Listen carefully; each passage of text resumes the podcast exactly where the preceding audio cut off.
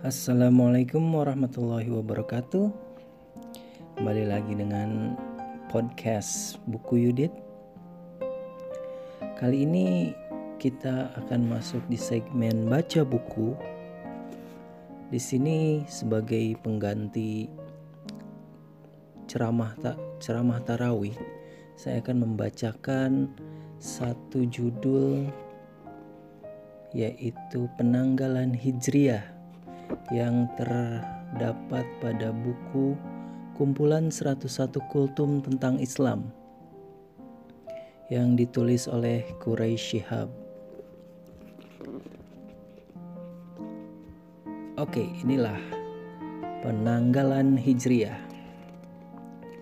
Ketika sahabat-sahabat Nabi pada masa Sayyidina Umar bermaksud menetapkan penanggalan khusus Islam, mereka berdiskusi tentang masa yang dijadikan untuk bermulanya perhitungan tahun. Ada yang mengusulkan agar dimulai dari tahun kelahiran Nabi Muhammad, tetapi tidak diterima karena kelahiran beliau tidak banyak berbeda dengan kelahiran manusia pada umumnya. Ada lagi yang mengusulkan agar perhitungan dimulai pada tahun kemenangan Nabi memasuki kota Mekah ini pun tidak diterima karena kemenangan dapat menimbulkan keangkuhan, berleha-leha, kebekuan, dan kemandegan. Padahal seharusnya umat Islam tidak berleha-leha. Tapi harus melihat jauh ke depan dan terus berjuang setiap saat dalam hidupnya. Akhirnya mereka bersepakat menjadikan tahun hijrah Nabi dari Mekah ke Madinah sebagai awal tahun penanggalan Islam karena dalam peristiwa hijrah terdapat nilai-nilai yang dibutuhkan oleh manusia, baik sebagai individu maupun sebagai kelompok masyarakat. Hijrah dipilih karena hijrah menggambarkan perjuangan, sedang hidup adalah perjuangan. Hijrah yang dipilih karena ia adalah upaya untuk mempertahankan akidah, sedang akidah adalah modal utama dalam hidup. Hijrah dipilih karena dalam hijrah ada optimisme, sedang tanpa optimisme hidup menjadi kelam. Sejak peradaban Sumeria hingga peradaban Amerika dewasa ini, kesemuanya lahir dari benih hijrah. Lahir dari upaya mempertahankan nilai-nilai yang mereka anut dan karena itu pula begitu nilai-nilai tersebut diabaikan maka runtuh pula peradaban yang telah mereka bangun. Telah lama sahabat Nabi Sayyidina Abu Bakar meminta agar beliau diperkenankan berhijrah.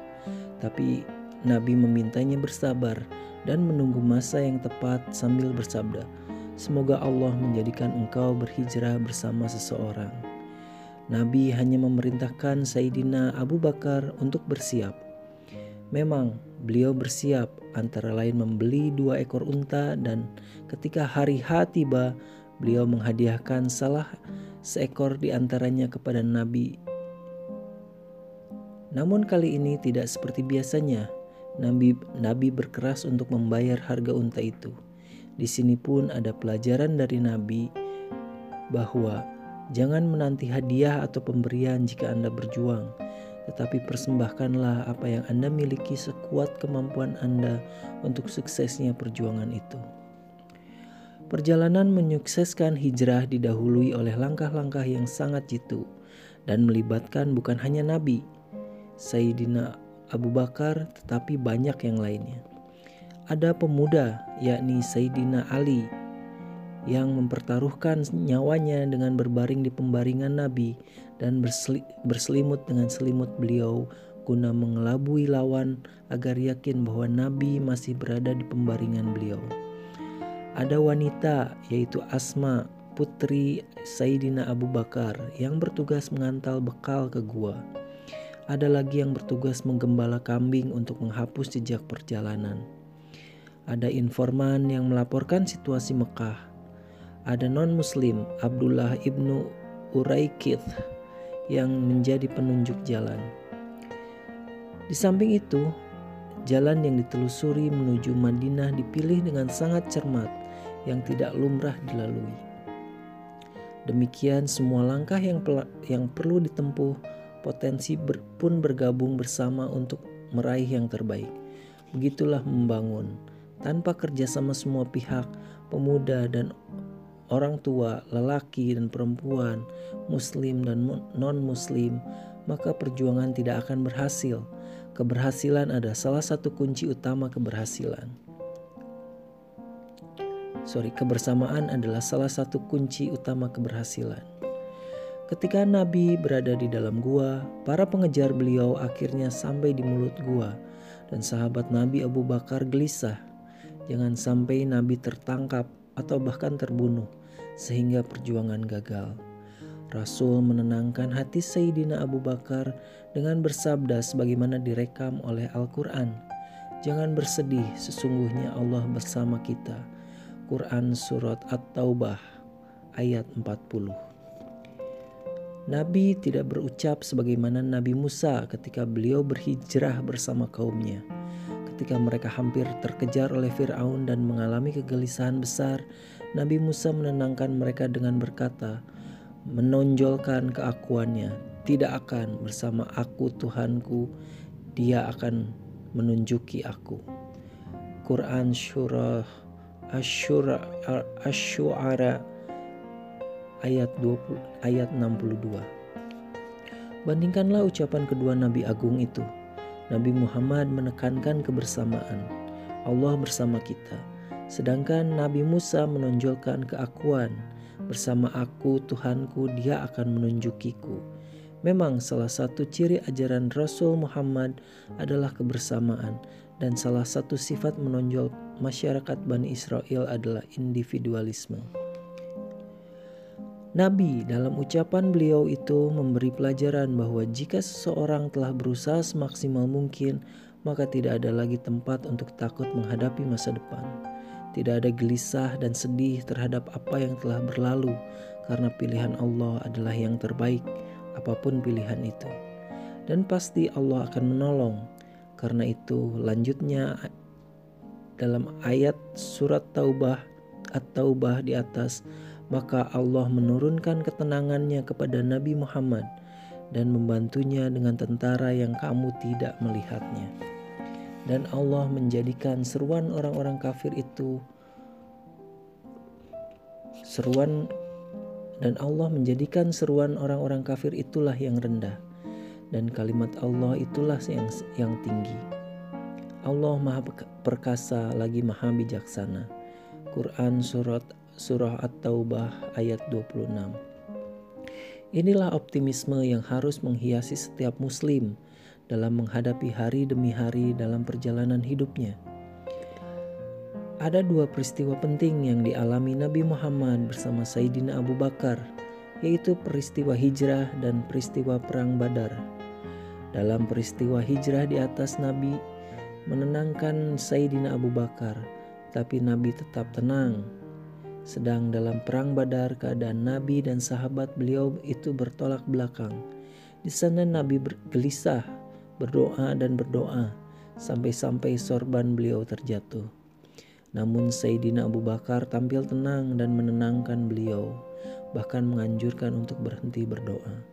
Dua sikap Nabi yang berbeda itu adalah sikap yang amat tepat sesuai dengan situasi dan kondisi yang dialami Sebaliknya, tanpa mengurangi sedikit pun penghargaan kepada sahabat Nabi yang agung Sayyidina Abu Bakar atau mengurangi jasa-jasa beliau, kita berkata bahwa sikap Sayyidina Abu Bakar itu adalah sikap yang kurang tepat.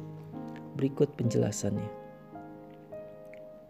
Dalam peristiwa hijrah di mana mereka berada dalam gua, maka ketika itu tidak ada lagi usaha yang dapat mereka lakukan setelah sebelumnya mereka melakukan segala yang dapat mereka lakukan.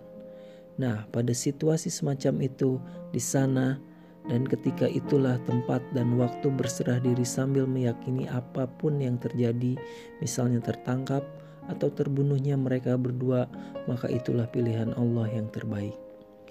Peristiwa Badar berbeda dengan peristiwa hijrah. Di sana Nabi bersama sahabat beliau belum terdesak masih ada usaha yang dapat mereka lakukan, dan ini kemudian terbukti bahwa mereka berusaha membela dengan berperang. Kekhawatiran Nabi itu bisa jadi juga berkaitan nasib banyak orang yang dapat gugur serta mengakibatkan Nabi doa serta mengakibatkan seperti doa Nabi ketika itu, "Ya Allah, jika Engkau membinasakan kelompok ini, maka Engkau tidak akan disembah lagi di persada ini." Demikianlah sebab perbedaan. Kesimpulannya, jika usaha telah dinilai rampung, maka berserah dirilah kepada Allah, dan jika terasa ada yang dapat diusahakan, maka usahakanlah. Nanti setelah itu, insya Allah, Yang Maha Kuasa pasti menolong. Sementara orang berkata bahwa tentara yang tidak terlihat yang disinggung oleh ayat At-Taubah ke-26 di atas antara lain adalah laba-laba yang menutupi mulut gua. Memang ada riwayat yang demikian kandungannya, tetapi hendaknya bukan itu yang ditekankan dan ditonjolkan. Yang perlu diingat dan ditonjolkan adalah bahwa bantuan Allah, apa pun bentuknya, rasional ataupun suprarasional, tidak datang tanpa kerja keras yang sesuai dengan sunatullah, yakni sistem yang, yang ditetapkannya. Hakikat ini telah diingatkan Allah dalam firman-Nya. Ya, cukup jika kamu bersabar dan bertakwa dan mereka datang menyerang kamu dengan seketika itu juga niscaya Allah menolong kamu dengan 5000 malaikat yang memakai tanda. Quran Surah Ali Imran ayat 125 Ayat ini, ayat ini mengingatkan bahwa bala bantuan dari langit atau apa pun yang diistilah yang diistilahkan oleh agamawan khususnya pakar-pakar tasawuf dan madad bantuan dan atau pemeliharaan yang bersifat suprarasional di luar hukum-hukum sebab dan akibat yang kita ketahui. Madad itu tidak datang tanpa syarat tetapi bersyarat dengan kesungguhan dan upaya maksimal memenuhi hukum-hukum sebab dan akibat yang telah ditetapkan Allah dalam hidup ini atau dalam bahasa ayat di atas bersabar dan bertakwa menghindari sebab-sebab jatuhnya siksa atau bencana. Salah satu sebab bencana adalah perpecahan. Karena itu, ketika Nabi tiba di Madinah, salah satu yang beliau lakukan adalah mempersatukan masyarakat, bukan saja antar masyarakat Muslim, Muhajirin, dan Ansor, tetapi juga ter, tetapi juga antar seluruh anggota masyarakat di sanalah, di sanalah lahir apa yang kemudian dikenal dengan piagam Madinah, di mana semua agama dan kepercayaan bergandengan tangan untuk membela dan membangun masyarakat. Kota tempat hijrah Nabi itu pun yang tadinya bernama Yastrib yang secara harfiah berarti mengecam diubah oleh beliau menjadi Al-Madinah yakni tempat peradaban karena tidak mungkin lahir peradaban bahkan kesuksesan dalam membentuk jika anggota masyarakat saling mengecam, apalagi memaki-maki dan menjegal-jegal. Demikianlah sedikit dari banyak pelajaran dan hikmah hijrah sekaligus hikmah dari pemilihan peristiwa yang menjadi awal tahun penanggalan Islam. Wallahu alam. Ya, demikian uh, pembacaan kultum dari Quraisy Shihab yang terdapat dalam kumpulan 101 kultum tentang Islam yang berjudul Penanggalan Hijriah. Sekian dulu dari saya. Uh, sampai jumpa lain kali. Wassalamualaikum warahmatullahi wabarakatuh. Ciao.